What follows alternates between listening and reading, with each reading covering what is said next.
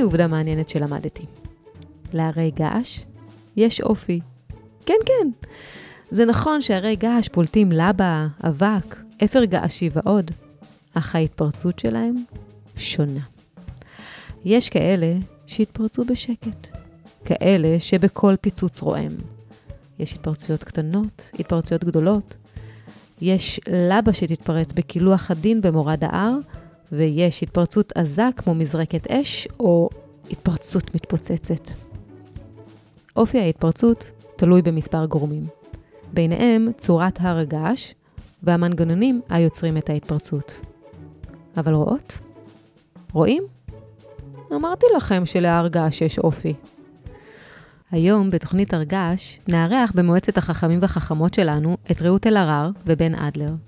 עדי לב תספר לנו את הסיפור סלע וולקני מאת ירדן גרינספן, ונשוחח עם יזהר דמטר, שממש נכח בהתפרצות הר געש ואפילו נגע בלבה. כל אלה אחרי יחידת התוכנית שלנו. והחידה שלנו, יחידת מי אני. אל הנפחות והאש, את אפרדיטה לאישה אבקש. מקומי באולימפוס, ערוך ומוכן, ושמי נרדף להרגש, כי אני הוא... נו, מי אני? יודעות, יודעים? חכו איתי לסוף התוכנית, וגלו אם צדקתם. במועצת החכמות והחכמים שלנו היום אני שמחה לארח את רעות אלהרר ואת בן אדלר. שלום, חמודים. שלום. אני מקווה שהגעתם היום רגועים, שלא תתפוצצו עליי פתאום. לא נתפוצץ. ולא תתפרצו. לא נתפרץ. בואו תספרו לי אם אתם אה, מכירים איזשהו הר געש. אני מכיר. כן, בן? איזה הר אתה מכיר? הר אה, געש בישראל. קרני חיטין. הוא ההר אה, האחרון שהיה, שהיה פעיל. אוקיי. ויצא לך לבקר שם? לא. אבל קראתי על זה. קראת עליו. מה מיוחד בהר, חוץ מזה שהוא האחרון שהיה יש, פעיל? יש, יש בו, אה, איז- אה, ההר נראה כמו, זה נראה כאילו יש עליו שני קרניים אה, אה, שחורות, ו- ו- וזה למה קוראים לו קרני חיטים. אוקיי.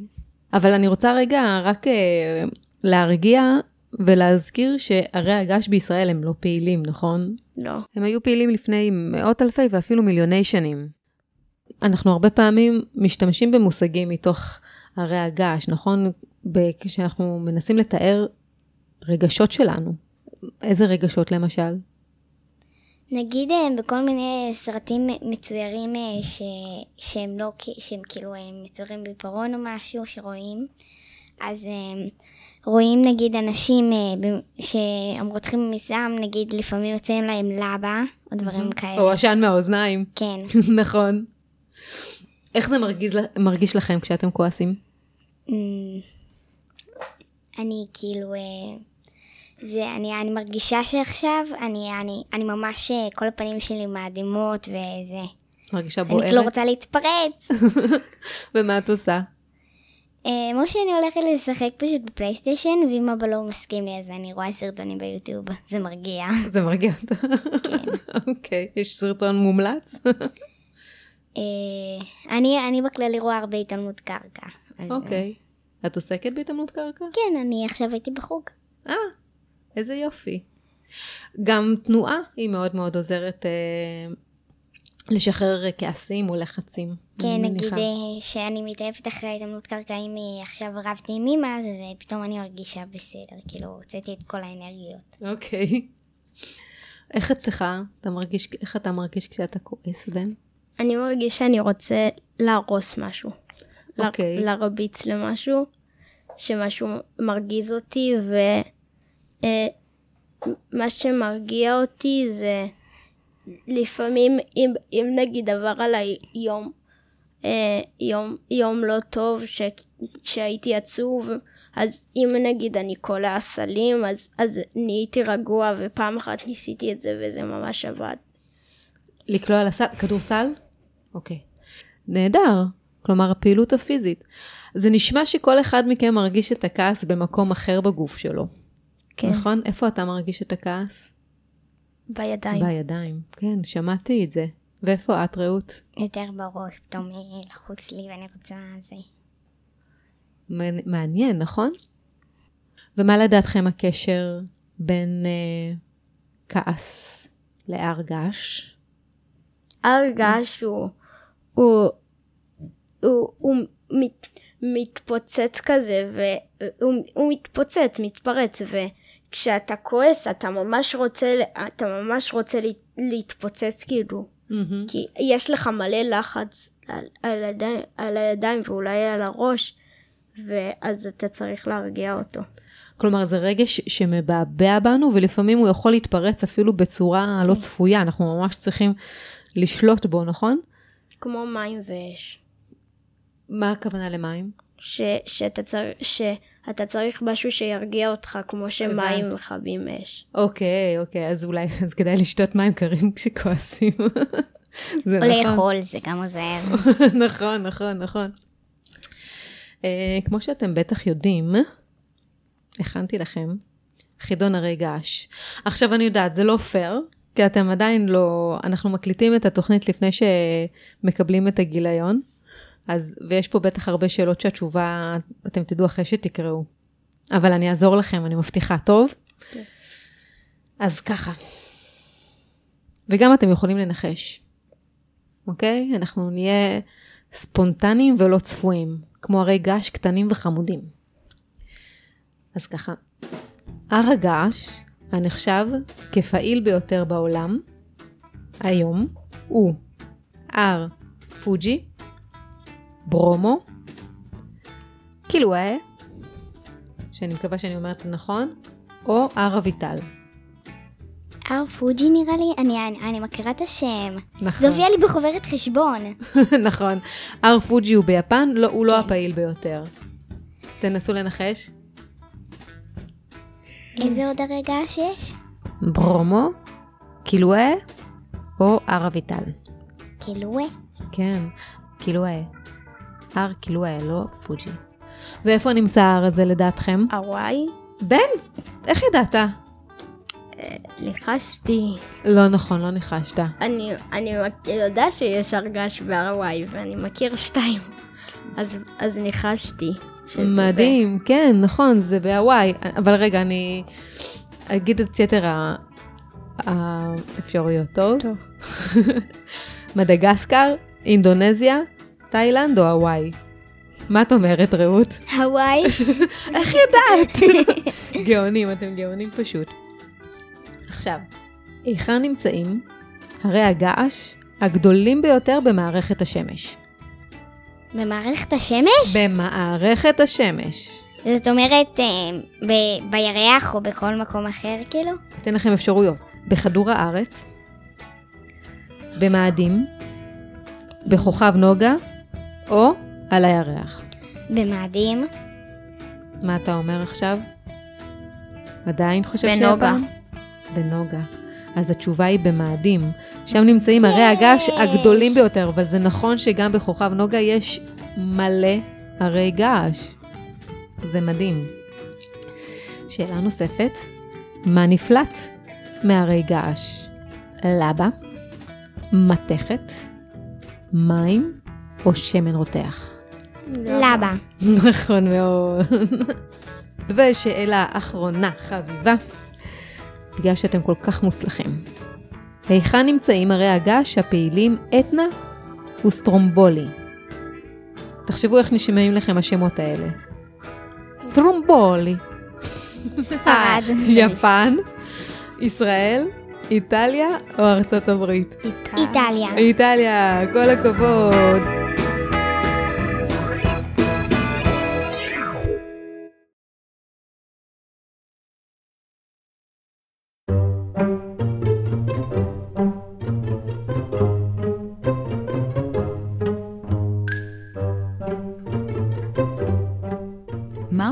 כשהבטן גועשת מכעס ותכף הכל יתפרץ?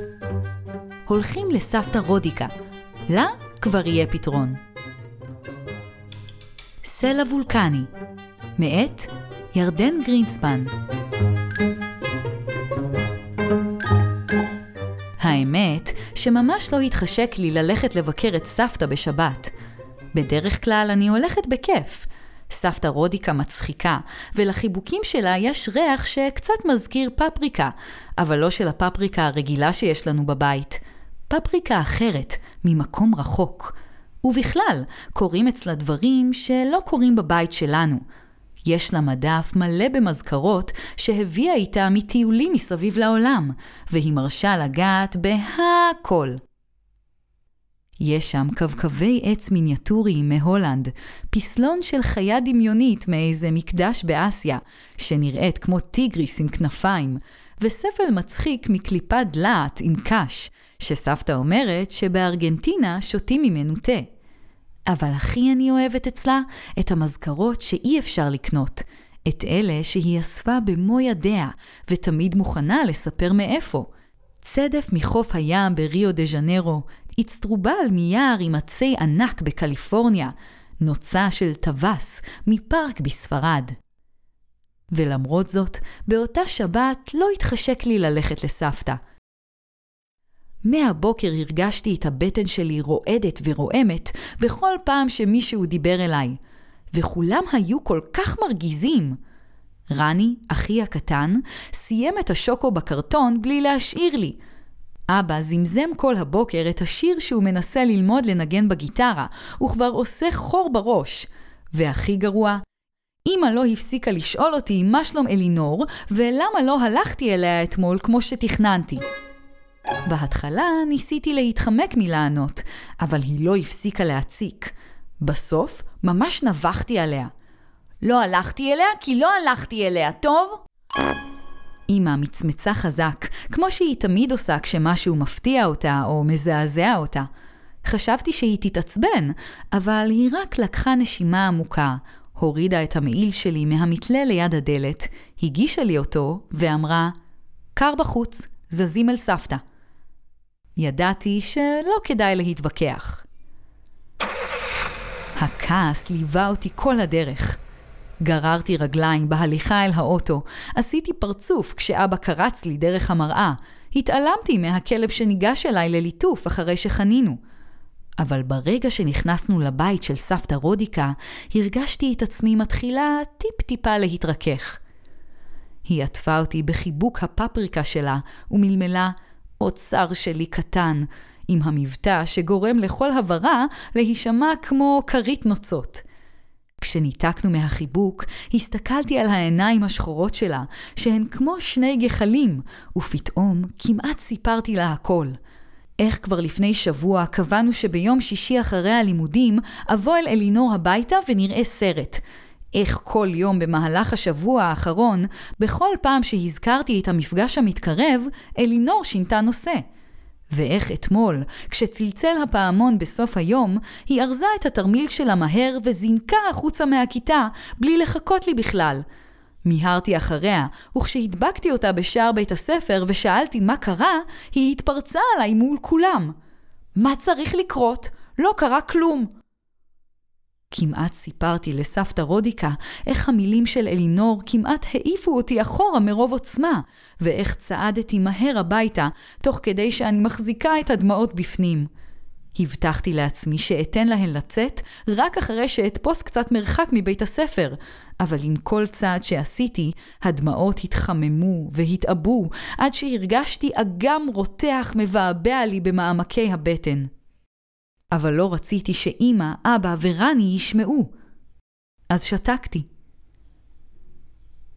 התיישבנו סביב השולחן, וסבתא רודיקה הגישה לנו את התבשיל המיוחד שלה, פלפלים עם עוף בשביל ההורים ובשביל רני, ועם טופו בשבילי, עם הרוטב האדום שמדליק מדורה בתוך הפה.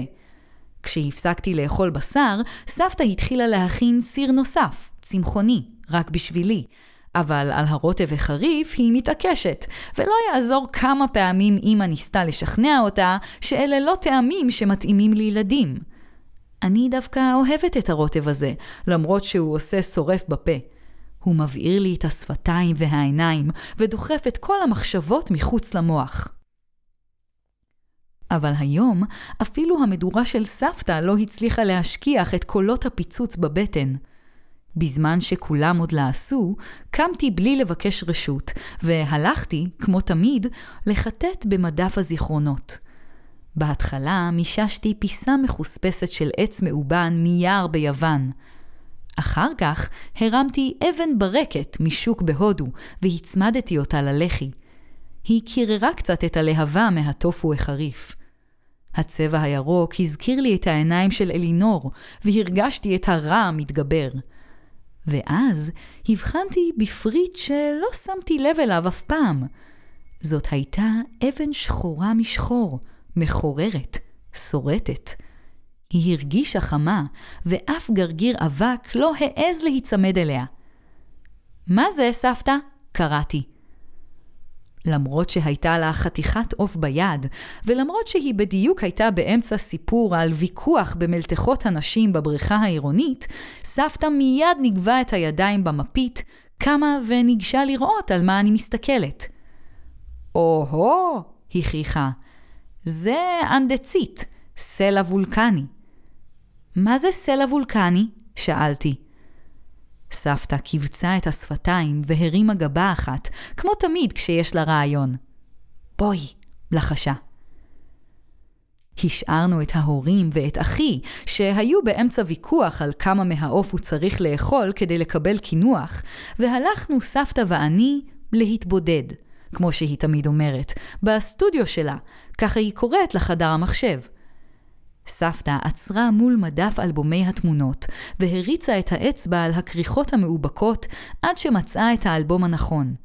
היא שלפה אותו מהמדף ופתחה אותו בעמוד האחרון. את זוכרת שנסעתי לפרו, שנה אחרי שסבא נפטר? היא שאלה. הנהנתי. זאת הייתה הנסיעה הראשונה שלה אחרי שסבא מת, הפעם הראשונה והאחרונה שהיא השתתפה בטיול מאורגן. זה היה טיול שערורייה, סבתא צחקה. האנשים היו יבשושיים כאלה, והמדריך דיבר אלינו כאילו אנחנו ילדים בגנון. במשך עשרה ימים הרגשתי איך אני נהיית יותר ויותר עצבנית. זה היה כאילו הבטן שלי רותחת. האוויר נתקע לי בגרון. זאת בדיוק ההרגשה שהייתה לי מאז אתמול אחרי הלימודים, בגלל מה שקרה עם אלינור. ביום האחרון של הטיול, היא המשיכה, לפני שחזרנו ללימה וטסנו בחזרה ארצה, ביקרנו בהר געש. זה היה הר שלא התפרץ אלפי שנים, שקט לגמרי. אבל איך אני אסביר לך? כשעמדתי מעל הלוע, הרגשתי שההר רוצה להתמלא מחדש בלבה. חיכיתי עד שכולם התחילו לחזור לכיוון האוטובוס, ואז... היא קיבצה את הפה והרימה גבה. מה עשית? שאלתי. הרגשתי את העיניים מתרחבות לי בתוך הראש. צרחתי! סבתא אמרה, והשפתיים שלה נמתחו לחיוך. פשוט צרחתי את כל הכעס, התסכול והעצב שלי אל תוך הלוע של הר הגעש הרדום. ואני נשבעת לך, ממלא, היא הנמיכה את קולה, ששמעתי פעפוע כמו של לבה בפנים. בדרך הביתה ביקשתי מאימא שתוריד אותי אצל אלינור. הפעם היא לא העזה לשאול שוב איך זה שלא נפגשנו אתמול. היא הנהנה ללא מילים ופנתה אל תוך הרחוב שלה. להפתעתי, כשירדתי מהאוטו ראיתי את אלינור יושבת על שפת החומה שמסביב לבניין שלה, וגוררת ענף קטן לאורך ערוגת הפרחים שלידה. היי, אמרתי. הרגשתי את הרעם בבטן שוב, אבל הוא היה עדין יותר, חברותי. היא הרימה את הראש אליי. העיניים שלה היו אדומות. למה את יושבת בחוץ? שאלתי. ההורים שלי רבים שוב, היא מלמלה והיא הסתכלה הצידה. שוב? הם ככה כל השבוע, כל בוקר וכל ערב ואל תוך הלילה. אני בקושי מסוגלת לישון. נאנחתי. בגלל זה לא רצית שאבוא אלייך אתמול? כן, היא לחשה. סליחה, לא ידעתי איך לומר לך. הסתכלתי על אלינור, והרעמים בבטן דעכו קצת, אבל לא נעלמו לגמרי. כל היום הזה עדיין ביעבע בתוכי, מעלה עשן. יכולתי לראות שגם אצלה, מאחורי מסך העצבות, היו גיצים שהתנפצו ואיימו להתפוצץ. פתאום קפץ לי רעיון לראש. קיבצתי את השפתיים והרמתי גבה אחת. בואי איתי, אמרתי לה. אלינור פערה עיניים בהפתעה, אבל במקום לשאול שאלות, היא נעמדה על הרגליים ונתנה לי יד. צעדנו ברחובות הדוממים של יום שבת. הצליל היחיד היה הרעד הלוהט בבטן של שתינו. הובלתי את אלינור אל גינת המשחקים שבפארק. היה יום קר, והמתקנים היו נטושים. לארגז החול הייתה שפת אבן גבוהה, שילדים אהבו לקפוץ ממנה אל תוך הבור החולי. משכתי את הזרוע של אלינור בעדינות וטיפסנו פנימה. בלי להגיד מילה, ירדתי על הברכיים והתחלתי לחפור בחול. אלינור התבוננה בי בשתיקה, ואז שמטה את הגוף שלה והצטרפה אליי. כל אחת מאיתנו הצמידה אצבעות, והפכנו את הידיים שלנו לחפות חפירה. החול היה קר וקשה מבחוץ, אבל מרכז החור שחפרנו היה חמים. כשסיימנו, נעמדנו והיבטנו אל תוך הלוע המלא אין ספור גרגירים. מוכנה? שאלתי את אלינור. היא חייכה במבוכה. מה אנחנו עושות? עצמתי עיניים. קחי נשימה עמוקה, הוריתי לה. מאחורי העפעפיים הסגורים שמעתי אותה שואפת בקול. מילאתי גם אני את הריאות באוויר, פקחתי עיניים והישרתי אליה מבט. עכשיו תצרכי.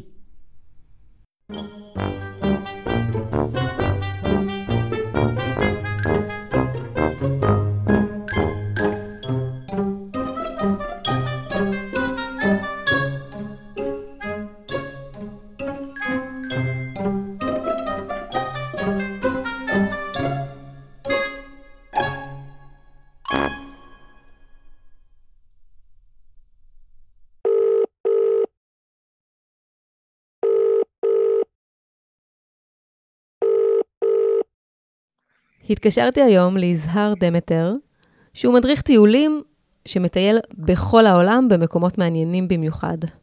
יזהר, שלום. שלום, בוקר טוב. ציפור לחשה לי באוזן שיצא לך גם לטייל בערי געש. לא מעט, נכון? אה, זה נכון. כן, בגדול שמסתובבים בעולם פוגשים הרבה ערי געש, חלקם לא פעילים, כמו שאפילו אנחנו מכירים מהארץ, באזור של רמת הגולן, או אפילו הכרמל ומכתש רמון, אה, וחלקם כן פעילים, כמו שאנחנו יכולים לפגוש נגיד באיסלנד, או בכל מיני איים סביב אפריקה, אה, ואזורים געשים יותר פעילים בעולם. אז בוא תספר על uh, הרגע הגעש הכי מעניינים שיצא לך לטייל. אני יכול להגיד, לספר אולי על שני ערים מאוד מאוד שונים אחד מהשני, באזורים מאוד שונים אחד מהשני. וכל אחד מהם הוא באמת uh, חוויה בפני עצמו. אחד יצא לי לבקר כשהוא לא היה פעיל, והוא חזר להיות פעיל בשנים האחרונות, והוא בקבוצת איים קטנה שנמצאת ממערב לאפריקה, שנקראת כיף ורדה. Mm-hmm. זה כולה תשעה איים קטנים שהיו פעם בשליטת פורטוגל, והם עצמאים, וכל אחד מהם הוא אי געשי בפני עצמו, בעצם מעין הר געש ענק שעלה מעל פני הים. ולכל אחד יש אופי אחר, אבל יש אי אחד שהוא באמת באמת מיוחד, שהוא כל כולו הר געש, אחד גדול, ממש כמו שמדמיינים, מעין קונוס כזה גדול, קוראים לו פרוגו. Okay. אוקיי. פרוגו זאת אומרת אש, מתפרצות. וזה הר געש שמתפרץ כל כמה שנים, בדרך כלל כל חמש או שש שנים. היו לו תקופות יותר רגועות בהיסטוריה, ודווקא עכשיו, בשנים שבהם אנחנו חיים, הוא קצת יותר פעיל. הוא ממש קונוס, כמו שאנחנו מדמיינים בסרטים, וצד אחד שלו הוא קצת יותר אה, בנוי, אפשר לומר, זרמה עליו לבה קצת יותר קשיחה, ואז עליה אפשר לעלות למעלה ולראות את הפסגה. מהפסגה אפשר לראות את כל שאר האיים ואת האוקיינוס, והיא מאוד מאוד יפה. ואז כל הירידה למטה היא מאוד מאוד כיפית, כי אנחנו פשוט מאוד רצים על האפר הגעשי, שזה קצת מזכיר דיונה או קצת מזכיר את החול בים, אבל הוא קצת יותר גס זה ממש בולע את הרגליים. אהה. ואם לוקח לנו 3-4 שעות לעלות משהו כמו 1,200 מטר של עלייה עד למעלה, ואז למעלה אנחנו רגע נהנים מהנוף ואוכלים משהו קטן, לרדת למטה לוקח לנו פחות משעה, זה כמעט מהיר כמו סקי. אנחנו ממש רצים למטה והחול בולם אותנו ואת הרגליים, אנחנו מגיעים למטה אל הכפר. הכפר עצמו הוא גם מעניין, כי בעצם הלבה בחלק מהשנים ממש זרמה לתוך הבתים, כיסתה את הבתים ואז בנו אותם מחדש. ויוצא לנו לאכול נגיד ארוחת ערב בחדר מאוד מאוד נחמד, שבאחת הדלתות שלו הלבה בעבר זרמה פנימה וממש אנחנו יכולים לאכול ארוחת ערב, ולידינו יש לבה כולה בת כמה שנים, שחורה, שחורה, שחורה. זה ההר געש הראשון. אבל רגע, רגע, הרגשתי. אני עוצרת אותך שנייה, יזהר, כי כן. אתה מתאר את זה מאוד מאוד פסטורלי, ויפה ורומנטי אוקיי. אפילו, אבל זה, זה גם ממש מסוכן, לא? אמ, כשהר געש לא פעיל הוא לא מסוכן. אנחנו אף פעם לא נצא להרי געש ונתקרב להרי געש שהם מאוד מאוד פעילים. וזה הר געש שאנחנו מבקרים אותו בעצם כשהוא לא פעיל. אם הוא פעיל אז אין לנו כל כך אפילו איך אה, להגיע אל האי הזה. אמ, ושוב, זה מאוד תלוי מתי ואיך יש הרי געש פעילים שההתפרצויות שלהם מאוד לא אלימות, הן מאוד עדינות, והלבה שזורמת ממנה בהם אין אין בה הרבה מאוד גזים, היא ממש קולחת כמו מין אה, דבש מהמם. שזורם לאט, ואז אנחנו יכולים להתקרב ממש עד הלבה עצמה. כמובן לא לגעת, אבל וואו. אנחנו ממש מרגישים את החום שלה. זה הרגש שהוא דווקא ידוע בזכות התפרצויות יחסית יותר אלימות, ו- ולא מתקרבים אליו בתקופה הזו, זה בטוח. אז בעצם אה, תושבי האי מתפנים. כשלקראת אה, התפרצות, מזהים את ההתפרצות בעזרת בטח כל מיני בדיקות אה, שעושים, ותושבי האי מתפנים? בדיוק. אוקיי. סביב כל אזור שהוא פעיל מגמטית בעולם, אה, בדרך כלל יש הרבה מאוד מחקר, וחלק מהמחקר הוא באמת ניסיון להבין מתי ואיך תהיה התפרצות. אנחנו יכולים לדעת פחות או יותר מתי תהיה התפרצות וגם מה יהיה האופי שלה. מהמם. נגיד, הרגש הבא שאני אספר עליו, אנחנו ממש מסתכלים כל רבע שעה, 20 דקות, אה, בגרפים השונים, ואז לפי האופי של הגלים שאנחנו רואים, אנחנו יכולים לדעת מתי שווה לנו להתקרב להר הגעש, כי אנחנו נראה לבה זורמת. וזה נגיד אפשר לעשות במקומות שבהם המעקב והמחקר סביב הרי הגעש הוא יותר אינטנסיבי, וזה נגיד מאפיין את איסלנד, שזה כן. אי שהוא גם כן כל כולו, כל כולו סיפורים של וולקניזם וגעשיות. מצפון ועד דרום, יש שם כל כמה קילומטרים, הנוף לגמרי משתנה. וממש עכשיו, תוך כדי שאנחנו מדברים, בחלק הדרום הערבי של האי, יש כמה הרי געש קטנים שמדי פעם באמת פולטים קצת לבה, אה, בהתפרצויות יחסית לא אלימות, שאפשר להתקרב ולהסתכל עליהן, אה, וזה מאוד מאוד מרשים. אני הייתי שם בקיץ האחרון עם אה, כמה קבוצות, ובכל פעם פשוט באמת עקבנו פחות או יותר מתי הולך להיות שם אה, מתי הולכת להיות שם התפרצות שהיא מרשימה, ואז הלכנו משהו כמו שעתיים מהכביש עד איפה שאפשר להתקרב ולראות את המגמה, ואם הייתה התפרצות חזקה מאוד, אז נשארנו כמובן רחוק, באיזשהו מין צד שני של עמק מעבר להר הגעש, וזה היה מאוד מאוד מאוד מרשים. זו אנרגיה ש... שקשה להישאר אה, אדישים אליה. זה כמו מופע זיקוקים, אבל טבעי ושלא נגמר. ופעם אחרת שהקילוח, שהלבה שיצאה מאותו הר געש הייתה מאוד מאוד עדינה, ממש התקרבנו ועבדנו מטרים ספורים לנערות כאלה. זה גם ימים שבהם אין הרבה מאוד גזים באוויר, וזה בטוח להתקרב גם בלי ציוד מגן אל הלבה. ממש הרגשנו את החום. היה איזושהי פעם אחת שממש ירדנו רגע אחד ורק נגענו בלבה הטריה, שעדיין הספיקה אפילו להתקרר, והיה ממש חם לגעת בה ביד. לא יכלנו לגעת יותר מכמה שניות כל פעם. ואז כמובן התרחקנו כדי שלא ינמסו לנו סודיות של הנעליים, ו... וכן אהה. הלאה. כל הסביבה, באיסלנד. סביב הלבה היא בטח מאוד חמה. למרות שמדובר באיסלנד, תל- כשאני חושבת על זה. זהו, אז באמת יחסית האוויר והמזג אוויר הם יחסית קרים. רוב הזמן יש שם בעונה הזאת איזושהי וריאציה כזו או אחרת של גשם, אבל הלבה עצמה היא בעצם החמה, היא המקור של החום, וכשהיא עצמה זורמת, הרבה פעמים היא יוצרת מעין צינורות כאלה, זאת אומרת שהחלק העליון של הלבה כבר מתקשה, הופך בעצמו למעין צינור ששומר את הלבה שבפנים חמה, שיכולה להמשיך לזרום, ואז במורד הר הגעש אנחנו יכולים לראות לבה טריה שהגיעה מלמעלה, ודווקא כשאנחנו עולים בהר הגעש אנחנו יכולים למצוא את הצינורות הטריים וממש לגעת בהם, ש... כי, כי הם עדיין חמים, וכי הם מקבלים עוד חום מהלבה עצמה שזורמת בעצם בתוכם. וזה נורא נחמד, וזאת צינורות שהם פעילים, צינורות שהם לא פעילים, לעשות קצת לעקוב עליהם אחריהם בדרך mm-hmm. למעלה. ובאחד מהם פשוט מצאנו מעין כיס כזה, חלון, שיכול ממש לראות את הלבה, וזה ממש היה אחד האזורים הכי חמים, וזה גם מאוד מרשים, זה זורם כמו משהו שאני לא ראיתי אף פעם זורם בחיים שלי.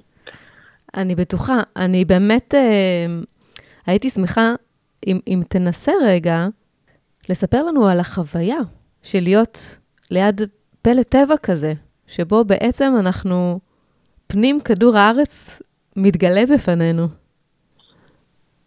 אה, זה לא רק פנים כדור הארץ, זה בעצם הגיאולוגיה עצמה.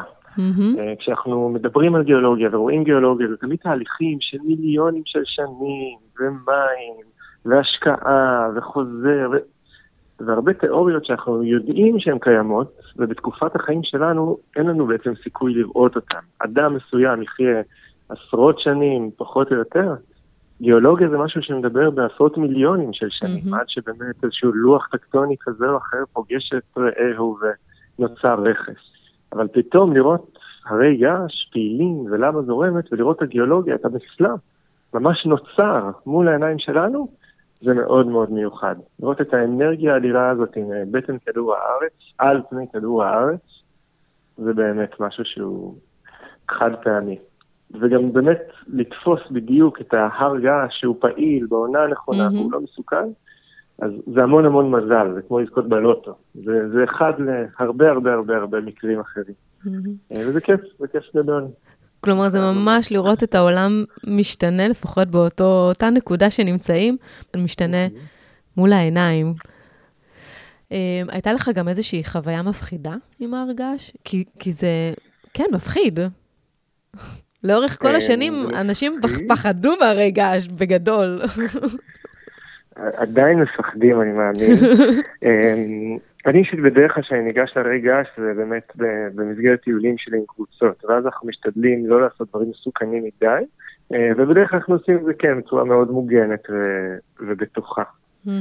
אז אה, האמת היא שזה אולי דווקא דבר יותר אה, חשוב לומר, לא תמיד חייבים, אפשר גם לגשת ולראות דברים מסוכנים בלי כל כך להסתכן. Mm-hmm. אני מתעסק המון בטיפוס, שזה גם מסוכן, אנחנו תלויים על מצוקים והרים, אבל אם עושים את זה בצורה בטוחה ואחראית, אז אפשר לעשות את זה אפילו לא רע. Mm-hmm. זה חלק מהמשחק. אז כן, האמת היא שלא יצא לי כל כך להסתכן בהקשר הזה. אתה יודע לשמור על עצמך. משתדל. יזהר, תודה רבה. תודה לך.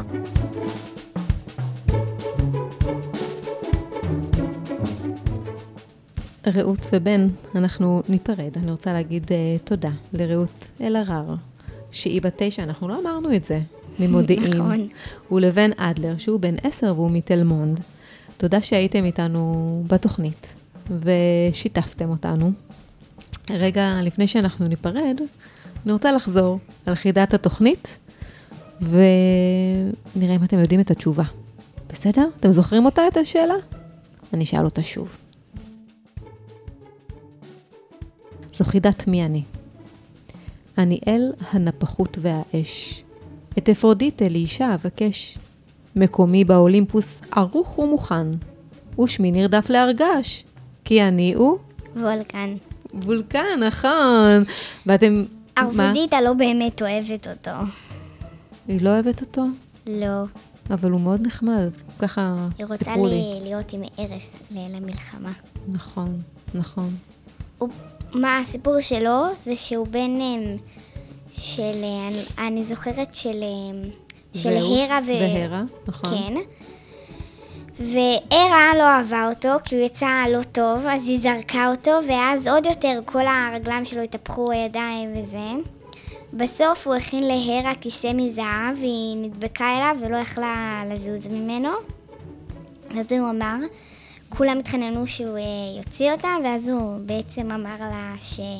הוא אמר להם שפשוט שאם הם רוצים שהרת uh, יהיה חופשייה, אז שייתנו לו מקום באולימפוס, ושבעצם ארפודיטה תהיה האישה שלו. נכון, נכון. קוראים לו גם מפייסטוס, זה השם שלו כן. במיתולוגיה היוונית.